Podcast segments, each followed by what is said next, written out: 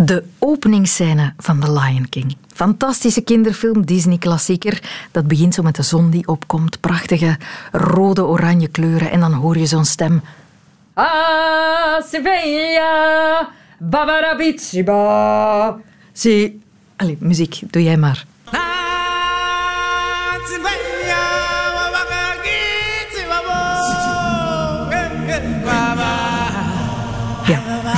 Beter, zal ik vertellen. Hè? En dan zie je hoe alle dieren van het koninkrijk ergens op af lijken te spurten. Ze kunnen er niet snel genoeg zijn. Bij de koningsrots, zo blijkt al snel, waar Mufasa, de leeuwenkoning, hen manen wapperend in de wind staat op te wachten. En wanneer iedereen, alle dieren, olifanten, gnoes, wapitis zijn aangekomen, zien we ook waarvoor ze gekomen zijn het nieuwe leeuwenkindje dat net geboren is. En het is Rafiki, de raadgever slash mandril van Mufasa, die het kindje uiteindelijk, terwijl de muziek heerlijk bombastisch aanzwelt, vier hoog op de koningsrots aan de onderdanen toont. Hier is hij dan, de eerste zoon van de koning, Simba. En daar begint het verhaal. Een verhaal dat haast alle kinderen op een gegeven moment wel te zien krijgen.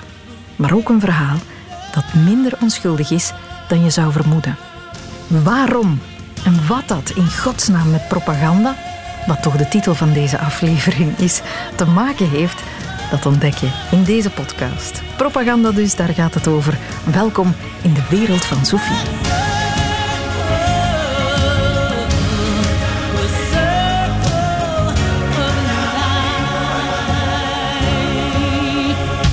Het begon al weken voor Rusland Oekraïne effectief binnenviel.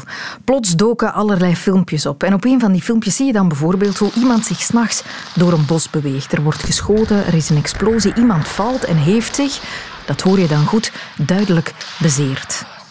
Bij de Russische staatstelevisie kunnen ze de beelden duiden. Dit zijn beelden, zeggen ze, van een Oekraïense saboteur die in pro-Russisch gebied een chlorinefabriek wilde opblazen. We hebben ze gelukkig kunnen tegenhouden. Maar wanneer die filmpjes onderzocht worden, blijkt dat verhaal helemaal niet te kloppen. Dan blijkt dat ze hebben zitten knippen en plakken en blijkt bijvoorbeeld de explosie die je hoort te komen uit een Fins filmpje dat meer dan tien jaar oud is. Het is één filmpje uit de propagandacampagne die Rusland heeft opgezet om de invasie in Oekraïne tegenover de eigen bevolking te kunnen verantwoorden. Kijk eens wat ze ons nu lappen. Wij moeten toch reageren? En in een land waar de media door de staat sterk gecontroleerd wordt, passeert zoiets net iets gemakkelijker. Dat men zich schuldig maakt aan dit soort boerenbedrog in dit soort grote conflicten, dat viel te verwachten. Dat zei Christophe Busch. Hij is directeur van het Hannah Arendt Instituut en expert radicalisering en massageweld. Absoluut. Uh, we zien een piek in desinformatie, wordt wel gezegd deze dagen. En dat heeft natuurlijk alles te maken met uh, een conflict dat ontstaat. Een conflict waarin de perceptie op uh, die spanningen natuurlijk heel erg van belang is om steun te krijgen vanuit ja, bepaalde groepen, de bevolking en zo verder. En dat maakt dat vaak gekoppeld aan conflicten er een enorme boost komt van propaganda, narratieven, verhalen die worden gebracht om natuurlijk ja, mensen langs jouw zienswijze te krijgen om, uh, om zo gesteund te worden als overheid. Ja, is dat een beetje de definitie van propaganda? Verhalen verspreiden om een zienswijze uh, op grote schaal te gaan verspreiden? Ja, wel eigenlijk propaganda eh, komt natuurlijk van het Latijnse woord propagare, het verspreiden. En vroeger zou men daar niet onmiddellijk een heel negatieve betekenis aan gegeven hebben. Het was meer een religieuze uh, methodiek om dan het woord van een bepaalde religie te gaan verspreiden. Het is vooral sinds het vorige eeuw, en zeker natuurlijk ook na onze recente ervaringen in de Tweede Wereldoorlog, dat het een heel negatieve bijklank heeft gekregen. Dat het vooral wordt gekoppeld met dit is een politiek politiek-ideologische methodiek om een bepaalde zienswijze te laten binnendringen in een samenleving die meestal als negatief of als het vanuit de overhand komt, uh, van de overhand komt, uh, dat het eigenlijk als een soort fake verhaal, nep verhaal wordt aanzien en niet correspondeert met de waarheid. En mm dat is eigenlijk een zeker laatste tendens natuurlijk, en dat klopt ook wel heel vaak, dat het gaat over een strijd om meningen, over zienswijzen om natuurlijk mensen emotioneel, affectief te gaan beïnvloeden, zodat ze inderdaad langs jouw kant komen te staan. Ja, wat zijn de basistechnieken die men dan gebruikt om ideeën ingang te doen vinden? Wel, wat je gaat zien bij propaganda is heel vaak dat er op, we, noemen dat nogal vaak emotie, maar het is meer intuïtie, dat daar wordt op ingespeeld. En men gaat eigenlijk telkens malen de nieuwe communicatietechnologieën daarvoor gaan inzetten. Als wij gaan kijken in de aanloop van de Tweede Wereldoorlog in de jaren 20, 30, dan zie je bijvoorbeeld dat nieuwe informatietechnologie, dat is is dan uh, de beeldkrant. Hè. Er worden beelden gebruikt die een veel sterkere intuïtieve impact hebben dan woorden natuurlijk. Hè. Met één beeld zeg je meer dan duizend woorden, zegt men vaak. Mhm. Maar dan komen daar ook de uh, beeldjournalen, hè, een soort videospeelfilms die zowel documentair als ja, fictioneel worden gebracht. En dat bewegende beeld, maar ook geluidsversterking, de radio als instrument om in de huiskamer te raken, wel, die nieuwe technologie wordt ingezet. En vooral goede propagandisten gaan natuurlijk gaan kijken welke technologie ga je gaan gebruiken voor welk segment van uh, uw bevolking. Omdat sommige mensen zal je via dit kanaal beter bereiken, andere groepen ga je misschien een ander kanaal of instrument moeten gaan bereiken. En dus eigenlijk die segmentatie noemt men dat, die verschillende doelgroepen en daar dan juiste propagandaproducten voor maken, dat is heel vaak een effectieve strategie gebleken in de geschiedenis. Ah ja, oké. Dus het feit dat Rusland filmpjes gebruikt uh, en die bijvoorbeeld via sociale media overal weet te krijgen, dat mag totaal niet verbazen. Dat is er daar een goede illustratie van. Ja, absoluut. Uh, als je gaat kijken uh, hoe natuurlijk vandaag de nieuwe informatietechnologie gebruikt wordt, dan is het uh, en nog radio en nog bewegend beeld en, en, visuele elementen. Maar daar is natuurlijk het internet als een soort ja, globaal bereik via heel snelle digitale weg. En dus sociale media als platformen op dat internet, is dat natuurlijk de nieuwe informatietechnologie die heel dankbaar kan gebruikt worden. We hebben dat trouwens ook gezien in 2011-12 bij het religieus extremisme dat toen ontstaan is. Ik denk aan de filmpjes van IS. Mhm. Dan zag je ook dat die nieuwe technologie werd gebruikt en dat daar eigenlijk ook mooie segmentering was. Men had een glossy magazine eh, van IS, men had filmpjes met gruwelbeelden voor een bepaald segment, maar je had evengoed filmpjes die heel religieus verbindende narratieven bracht. En dus het idee is natuurlijk dat je daar de juiste verhalen naar de juiste doelgroepen brengt om mensen eigenlijk in jouw kamp te krijgen. Ja, deze week nog heeft uh, Donald Trump, voormalig president van de Verenigde Staten, zijn eigen sociale mediakanaal gelanceerd, Truth Social. Uh, zou je dat als propagandakanaal kunnen zien dan? Uh, ja, uh, we gaan zien hoe dat het evolueert. Maar natuurlijk, uh, rekening houden met de recente geschiedenis heeft dat heel veel kans daartoe. wat een van de uitdagingen is natuurlijk, dat is dat wij zijn als menselijke soort geëvolueerd van een agrarische naar een industriële, naar vandaag een informatiesamenleving. En dus de wijze hoe informatie stroomt in onze samenleving is natuurlijk cruciaal. En we hebben gezien dat grote spelers, hè, denk aan Google, Facebook, eh, Twitter en zo verder, dan zie je natuurlijk dat daar een probleem was op vlak van waarheidsverval, echokamers. En uh, die spelers die worden meer onder druk gezet om daar bepaalde correcties op uit te voeren. Niet zozeer om vrije meningsuiting aan banden te leggen, maar wel te gaan zeggen van kijk, echt schadelijke berichtgeving die richting geweld of haatspraak gaan, daar moet je iets aan doen. En dat maakt dan natuurlijk dat mensen, als dat wordt tegengehouden, ja, eigenlijk diezelfde technologie die beschikbaar is, ja, voor eigen gebruik beginnen te ontwikkelen. En als het dan natuurlijk een platform wordt voor een specifieke doelgroep met een heel eenzijdig verhaal, dan heb je veel kans dat je in een soort binaire kijk op de wereld komt. Wij mhm. hebben de waarheid, want het zijn geen tweets, maar truths die worden verstuurd. En de overkant, ja, dat is onwaar, dat is vals. En dat zijn eigenlijk heel problematische frames om de werkelijkheid in te gaan brengen, natuurlijk. Ja, ja, ja. Dus we hebben een segmentering. Men gaat een doelpubliek goed uitkiezen. Men gaat uh, verschillende media gebruiken om een boodschap te verspreiden. En dan komt het er eigenlijk op neer om continu te herhalen: wij zijn goed, zij zijn slecht. Is dat wat het idee? Ja, zeker. En herhaling is de boodschap. Hè. Dat is wat eh, de minister van propaganda uh, ten tijde van het nationaal socialisme, Jozef Goebbels, al zei. Hè. Uh, als een leugen een beetje verstrengeld is met elementen van waarheid en je herhaalt het voldoende, dan stijgt dat geloof.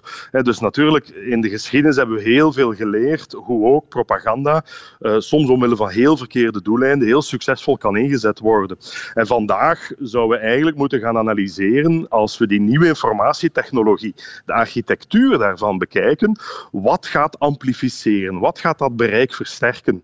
Want mhm. eigenlijk is vooral uw bereik vergroten en de intuïties, emoties van mensen bespelen, dat zijn de werkzame ingrediënten van een effectieve propaganda. En dat maakt een beetje dat we zelf, levende in een informatiesamenleving, ja, dat ons daar heel erg bewust van moeten zijn, wat we zien, dat dat niet altijd ja, de waarheid is, dat we daar zeer kritisch tegenover moeten staan. Ja, ik ging het. Het feit dat het al uh, decennia, eeuwen gebruikt wordt, propaganda, wijst erop dat we er vatbaar voor zijn, dat we gemakkelijk verhalen slikken. Absoluut. Wij zijn eigenlijk een verhalende diersoort. Wij geven betekenis, invulling aan ons leven, aan onze samenleving, door daar verhalen over te vertellen. En wij denken natuurlijk dat we zeer rationeel gestuurd zijn, hè, dat wij allerlei feiten absorberen en op basis van een kritische analyses keuzes maken. Maar niets is minder waar natuurlijk. Hè. Wij weten dat wij als mens vooral informatie zoeken die bevestigen wat wij denken juist te zijn.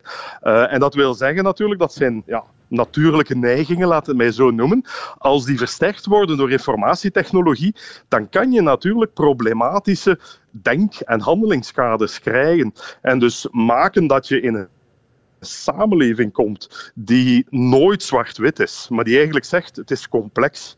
Er zijn oneindig veel tinten grijs.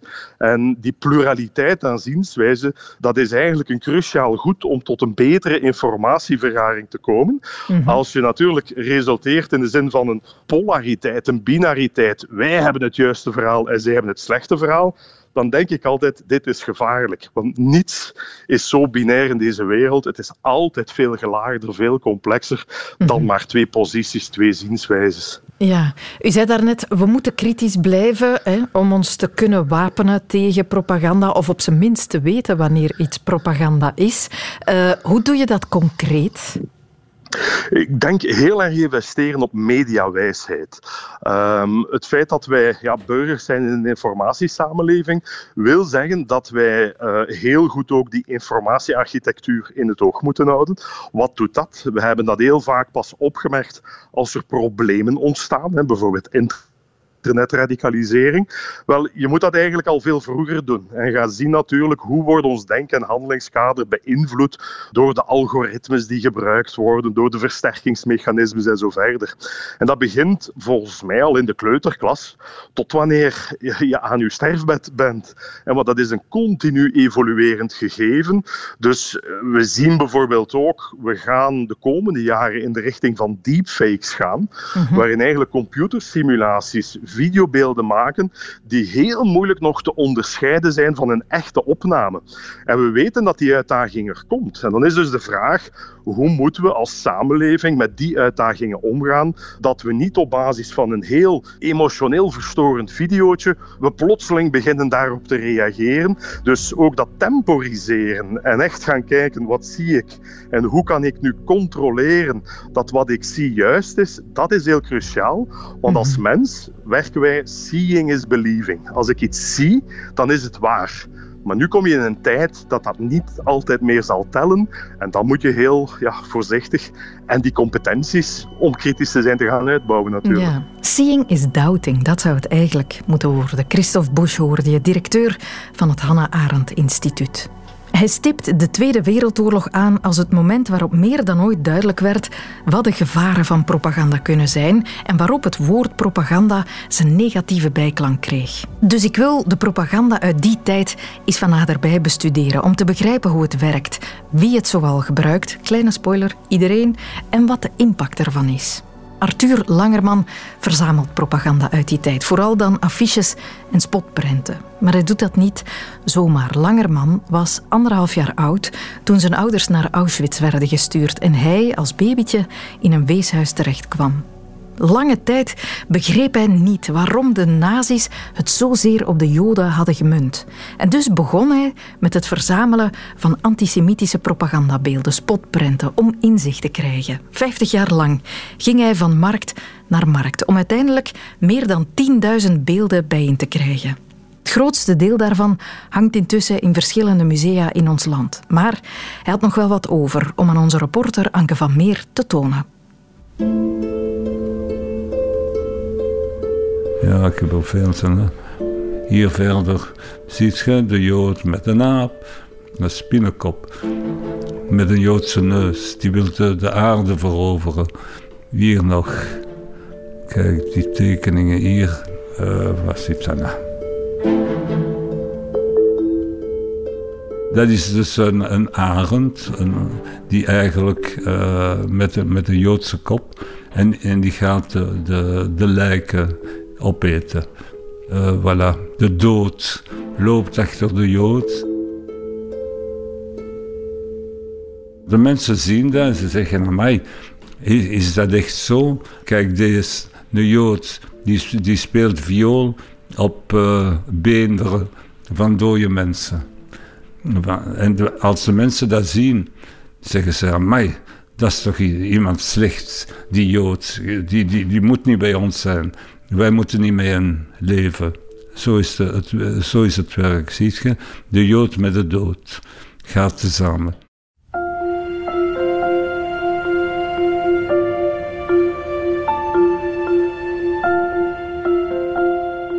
Ik verzamel al meer dan 50 jaar antisemitische uh, propaganda, uh, beelden uh, van heel de wereld.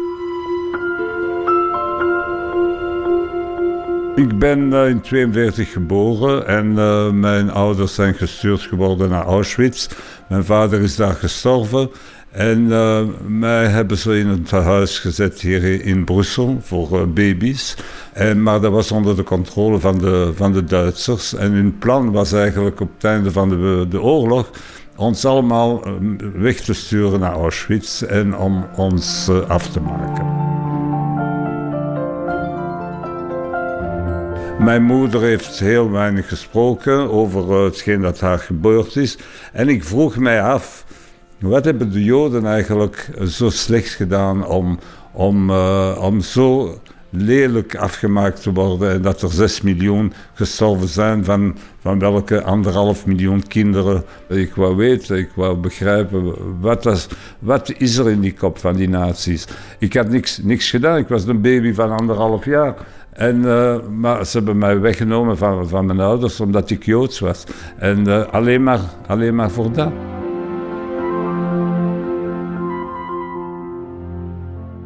Ik heb ja, 50 jaar verzameld. Ik heb ongeveer uh, eh, 10.000 uh, eh, tekeningen, printen, uh, schilderijen, postkaarten verzameld. En alles op die propaganda, anti-Jood.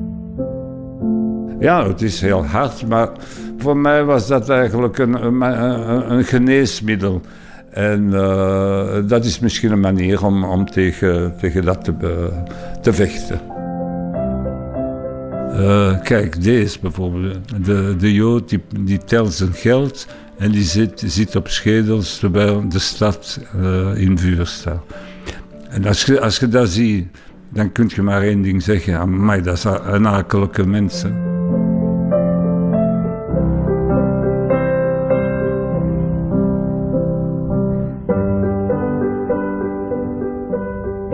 Ik heb altijd uh, uh, op de vlooienmarkt geweest. En daar heb ik begonnen te, te zien dat er veel tekeningen en artikels waren over de Joden die heel negatief waren. Je ziet van alles en, plots zag ik zo een, een, een, een spinnenkop met de, met, de, met grote neus en dikke lippen. En, uh, en dat was de, de, representatie van een Jood. Daaronder uh, was het erop geschreven, we moeten ze verpletteren. Dus propaganda eigenlijk, om de mensen te kunnen influ influenceren om een idee te hebben van de Joden die, die niet juist is. Want eh, ze tonen wat, altijd hetzelfde. Grote neuzen, dikke lippen, dikke mensen, lelijke mensen. Die, die propagandatekeningen die tonen, die, die willen tonen wat er lelijk is in een, in een bevolking.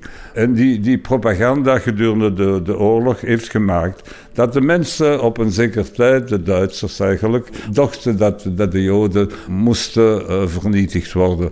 De, de Joden zijn zoals ratten, zoals spinnen, zoals insecten. Uh, we moeten er vanaf zijn. Dus ze zijn zodanig uh, onder, onder, propaganda geweest en gedurende zo lang dat op het einde ze wisten niet meer dat de Joden mensen waren.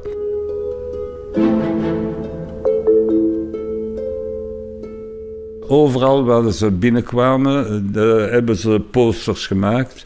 De posterkast gezien, uh, overal hier in België. Was in de straten, in cafés, uh, overal. In burelen. De mensen, voilà, ze, ze daar op de straten en overal. Frankrijk, Duitsland hadden ze speciale kasten waar dat de Stormer, de Stormer is een, is een tijdschrift die, die iedere week uitgekomen was toen. En uh, waren alleen maar uh, antisemitische prent, uh, dus tekeningen, propaganda. Die waren in de, in de stadhuizen, in de kerken te zien en de mensen kosten in de straat de, die propaganda lezen.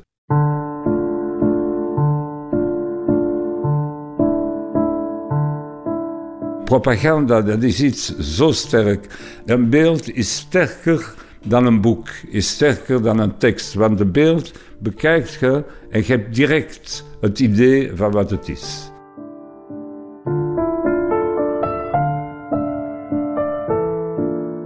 Het, het, begint met uh, spotten, met lachen.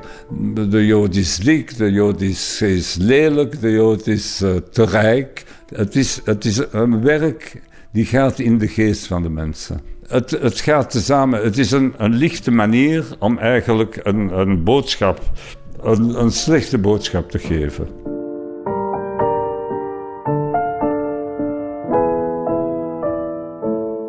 Het idee van, eh, van de, die propaganda, dat blijft nog werken vandaag. Als je Joods schrijft op internet, zullen, zullen zien tekeningen, ongelooflijk. Hè? En dat is nog vandaag. Vandaag is dat dat, dat is heel normaal. we moeten oppassen met de propaganda. Dat is een, een gevaarlijk instrument die eigenlijk uh, de mensen manipuleert. Met de leugen gaan ze de mensen manipuleren om ze te doen denken in hun richting. Het is overal en ons leven is eigenlijk. En het is heel moeilijk voor, voor voor de normale mens om uit al die propaganda een idee te krijgen die de werkelijkheid is. Dat is eigenlijk het moeilijke.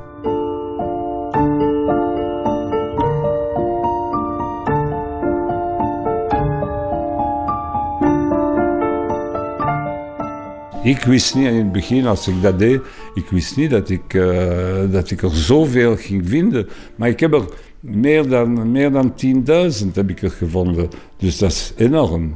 Iedere dag vind ik er nog.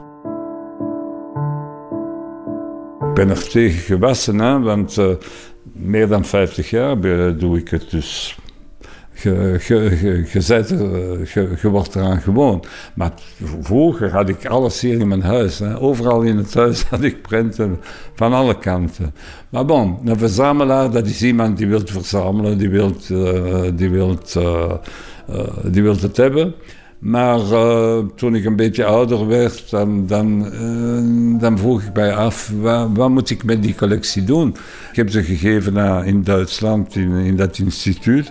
Want het is een, een, een eigenlijk een, een instrument kan tonen wat er eigenlijk in de oorlog gebeurd zijn. Maar er zijn nog mensen vandaag die zeggen ja, die, die oorlog, dat is niet zo geweest. Er zijn geen 6 miljoen uh, mensen gestorven.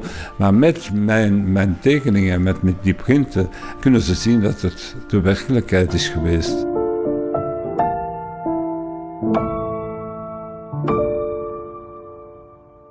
Arthur Langerman hoorde je, een verzamelaar met een missie.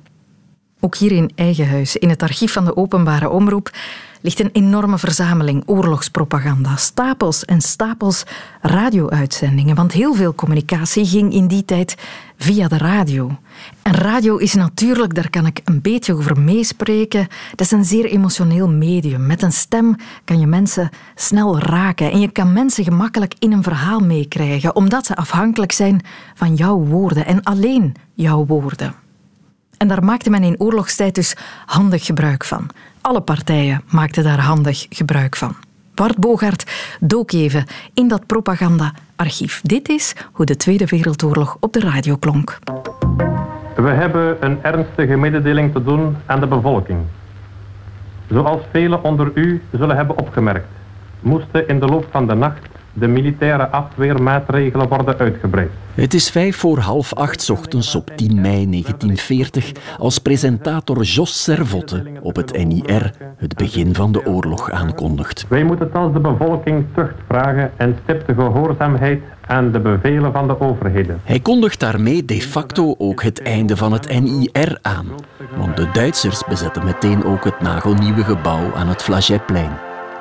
Propagandaminister Goebbels had in eigen land al lang daarvoor duidelijk gemaakt hoe belangrijk hij de radio als propaganda-instrument vond. Een goede regering ohne propaganda kan evenzo wenig bestehen wie een goede propaganda ohne een goede regering. In bezette en vijandelijke gebieden laat hij programma's uitzenden waarin de oorlog vanuit Duits perspectief wordt bekeken.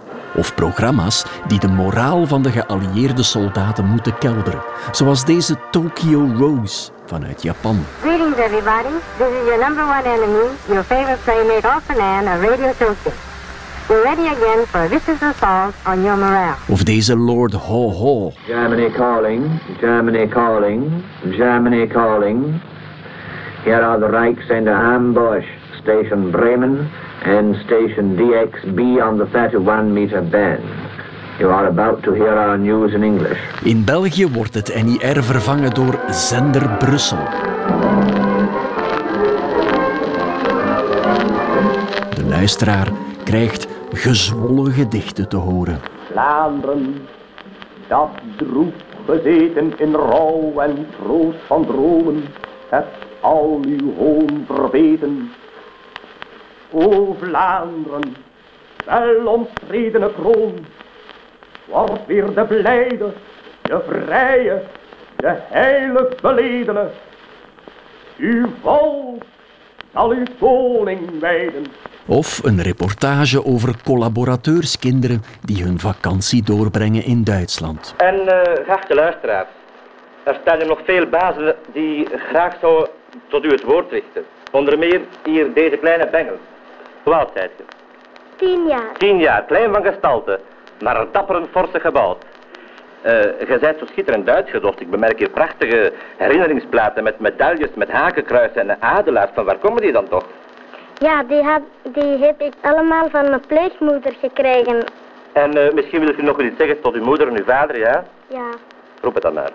Dag vader en moeder, Heil Hitler. Hij kan op zender Brussel zelfs zijn Duits wat bijschaven. En dan hebben we alweer de rangtelwoorden. Dus tot 20 is het helemaal gewoon en gaat het van het lijn dakje, maar vanaf 20 komt het dan met ST, de 20ste. Of in het Duits leren rekenen. 19 minus 7. 19 minus 7 is 12. 35 weniger 14. 35 weniger 35. 30. Weniger 14 is 21. 35 weniger 14 is 21. Maar als hij aan de grote bakkelieten knop van zijn Belgische SPR-radio draait, hoort hij ook andere geluiden. Samen met de Belgische regering vlucht ook een groep radiomakers naar Londen. En onder de vleugels van de European Services van de BBC richtte ook zij een propagandakanaal op. Radio Belgique. Radio België. Ici Radio Belgique. Hier Radio België. Ici Radio Belgique. Hier Radio België. Ici Radio Belgique. Hier Radio België. Ici Radio Belgique. En terwijl zender Brussel een speech van gauwleider Reinoud Tollenaar uitzendt. Heerlijke volkse activistische kampers uit de pijnlijke worsteling van de 25 laatste jaren wijzen ons een weg en geven ons het wachtwoord. De nationale orde en de socialistische gemeenschap verwezenlijken. Kan je een paar millimeter verder met de witte streep luisteren naar de stem van Radio België, Jan Moedwil. Krachtig als een rots. Hoop uit beton gegoten. Een onverstoorbare zekerheid dat we doen ons best zonder erop te boffen en toch, toch krijgen we ze wel, de moffen. De Franstalige tegenhanger van Jan Moedwil heet Victor de Lavelet. En ook hij vat zijn boodschap kernachtig rijmelend samen. Et chaque jour, notre voix toute proche vous dit Courage, on les aura, les boches. Even een kort draadje met de bakkelietenknop in de andere richting. En we zitten bij de Franstalige uitzendingen van Zender Brussel. Wallonen in handgrip. Wallons à l'attaque. C'est au plus fort de la campagne d'hiver que la brigade de Wallonie a repris sa place au front de l'Est. Ondertussen richten de verbannen Belgische radiokrachten in Londen de BNRO op, de Belgische Nationale Radioomroep, met zenders in New York en Leopoldstad, in negen talen. En zo belandt de Belg, bakkelieten draadje per bakkelieten draadje, van de ene propagandashow in de andere. Tot in 1944 een einde komt aan de Duitse bezetting van het land en van het Flagey-gebouw. Nog één keer spreekt Jan Moedwil de natie toe vanuit Londen. Waarde luisteraar, ons radiobedrijf begon op 28 september 1940. We sluiten vandaag. Het doek valt. Na deze uitzending zal Radio België niet meer in de ether zijn. En ook al hebben we ze al lang gekregen, de moffen. Toch vindt hij een manier om ze er nog eens in te krijgen. Maar met de meest hartschrandige hartstocht naar vrijheid zullen wij onze taak voortzetten. Tot de dood of de bevrijding. Er bestaat geen andere keus. Want verslaving wijzen we van de hand. Met een vier hier Radio België. We hebben de bekroning van ons doel bijgewoond meegeleefd. Ze hebben er moeten aan geloven. De moffen.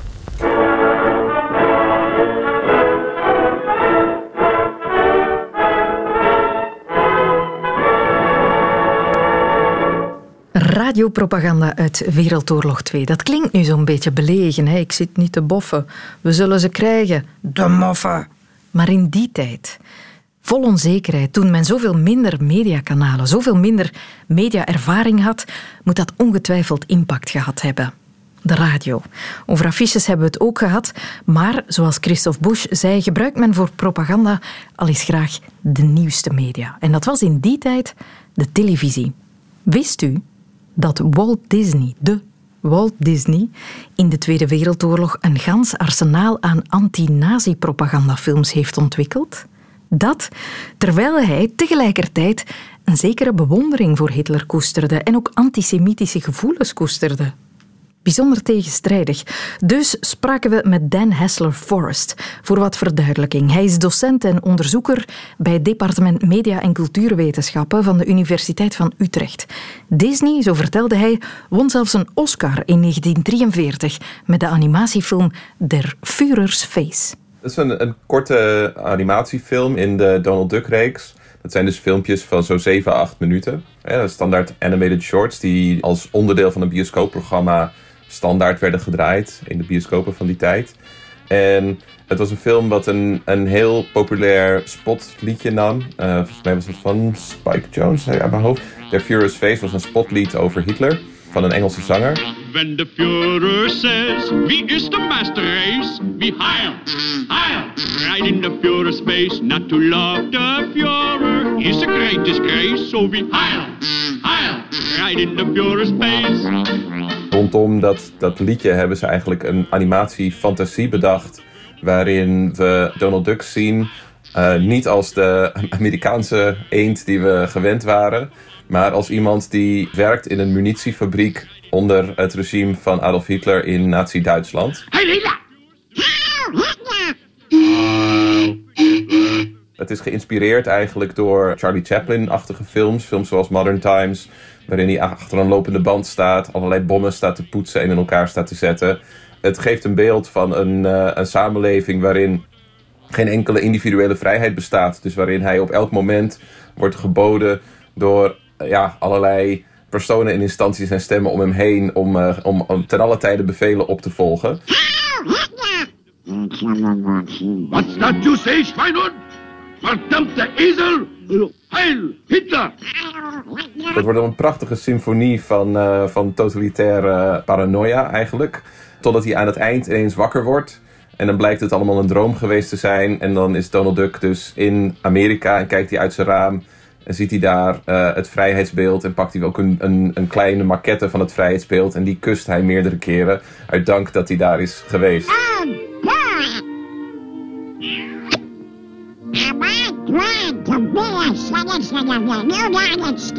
America? Een, een, een grappige ja, anekdote bij, bij dat filmpje is dat hij na het, ook al won hij een Oscar toen der tijd, is hij daarna decennia lang niet vertoond. Tot uh, in de jaren negentig werd hij op DVD uitgebracht en toen werd hij ook weer opgenomen in een aantal korte filmprogramma's die publiekelijk mochten worden gezien. Maar hij was eigenlijk had Disney in een kluis gedaan. En een animatiehistoricus die vertelde me ooit dat zijn, ja, zijn vermoeden een beetje was dat, dat Disney, ook al was het een, briljante animatiefilm, hem liever niet ja, wilde laten zien. Omdat, en dat is een beetje een zure reden, hij dacht dat de reden daarvan was dat de film dus impliceert dat Donald Duck een immigrant is. En niet een vanzelfsprekende Amerikaanse burger. Omdat hij dus het laat zien alsof hij een vluchteling is in Amerika. En dat is natuurlijk iets wat niet helemaal past bij het naoorlogse, zeg maar, witte burgerschap verhaal wat de conservatieve Disney-brand uitdroeg.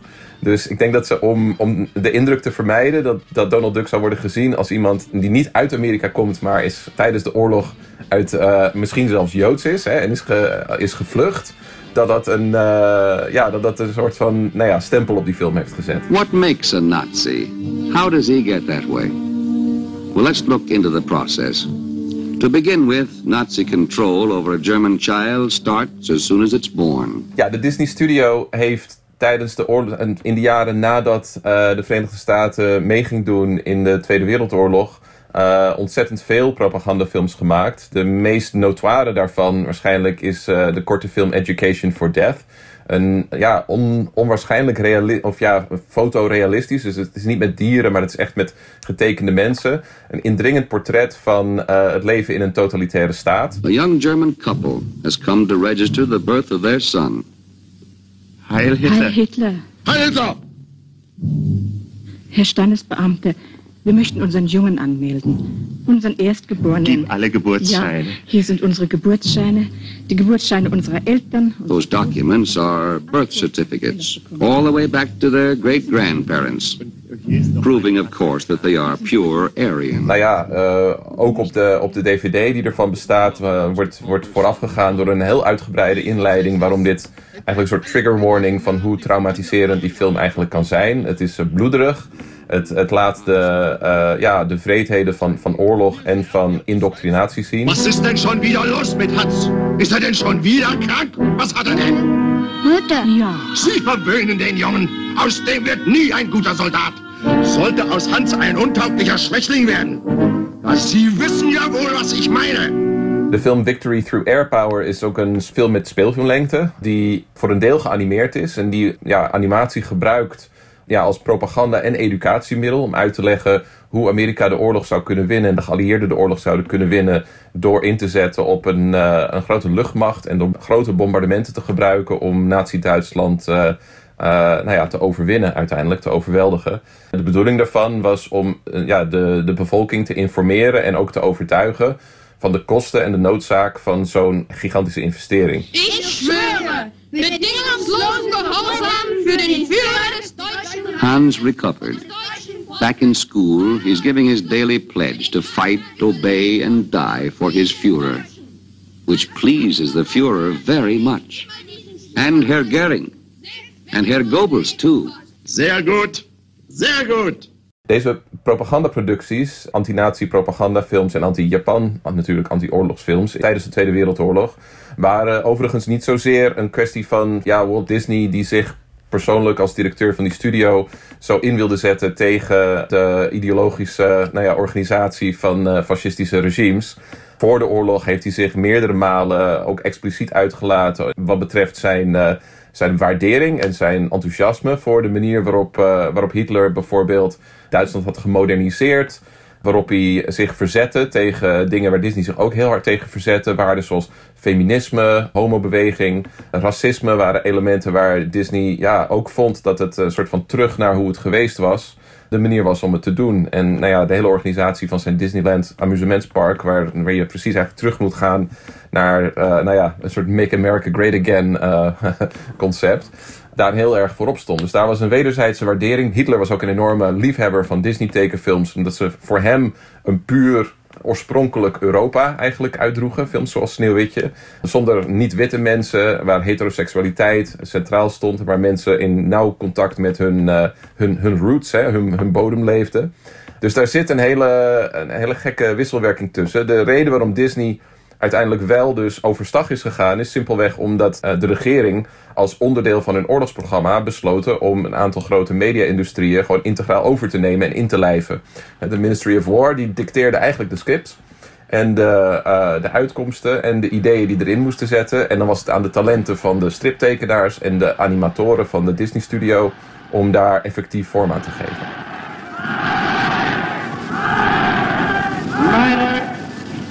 Deutsche Jugend, nach einem Jahr kann ich euch hier wieder begrüßen. Ihr seid heute hier in diesem Muschel nur ein Ausschnitt dessen, was außer ihr über ganz Deutschland steht. Und wir möchten nun, dass ihr, deutsche Jungens und deutsche Mädchen, in euch all das aufnehmt, was wir dereinst uns von Deutschland hoffen. Wir wollen ein Volk sein. Leni Riefenstahl natuurlijk een ontzettend getalenteerde filmmaker, maar ook iemand die alle middelen van het Nazi-rijk tot haar beschikking kreeg om propagandafilms voor Hitler te maken. haar invloed is enorm groot geweest. Je ziet het terug in dingen zoals nou ja, Star Wars en The Lion King maken eigenlijk gebruik van de soort van fascistische beeldentaal die de Riefenstahl oorspronkelijk in uh, haar films zoals Triumph des Willens pionierde. Ook daar was Disney een groot, uh, ja, een groot uh, bewonderaar van, van haar stijl en van nou ja, de manier waarop zij eigenlijk ja, fascistische ideeën zoals de verafgoding van grote macht. Het idee dat sommige mensen zijn geboren om beter te zijn dan anderen.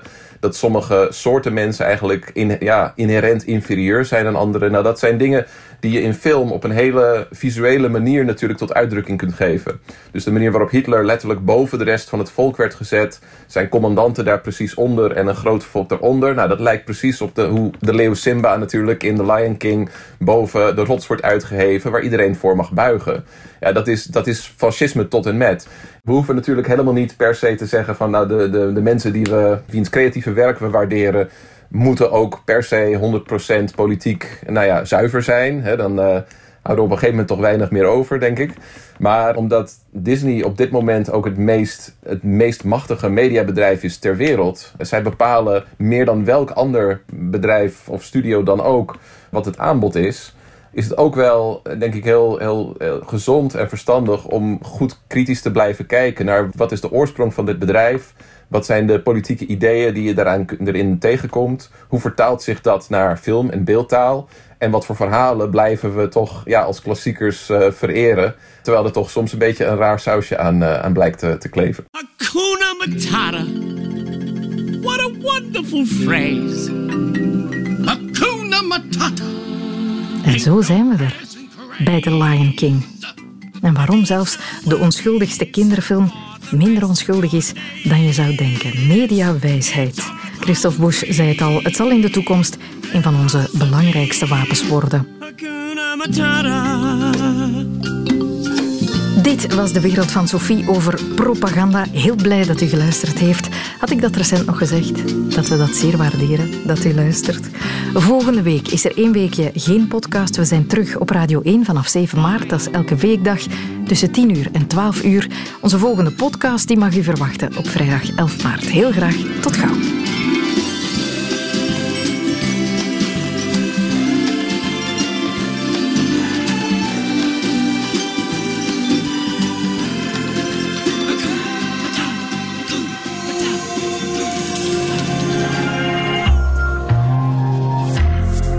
Een podcast van Radio 1. Ontdek nog meer podcasts van Radio 1 in onze app en op radio1.be. Radio 1. Altijd benieuwd.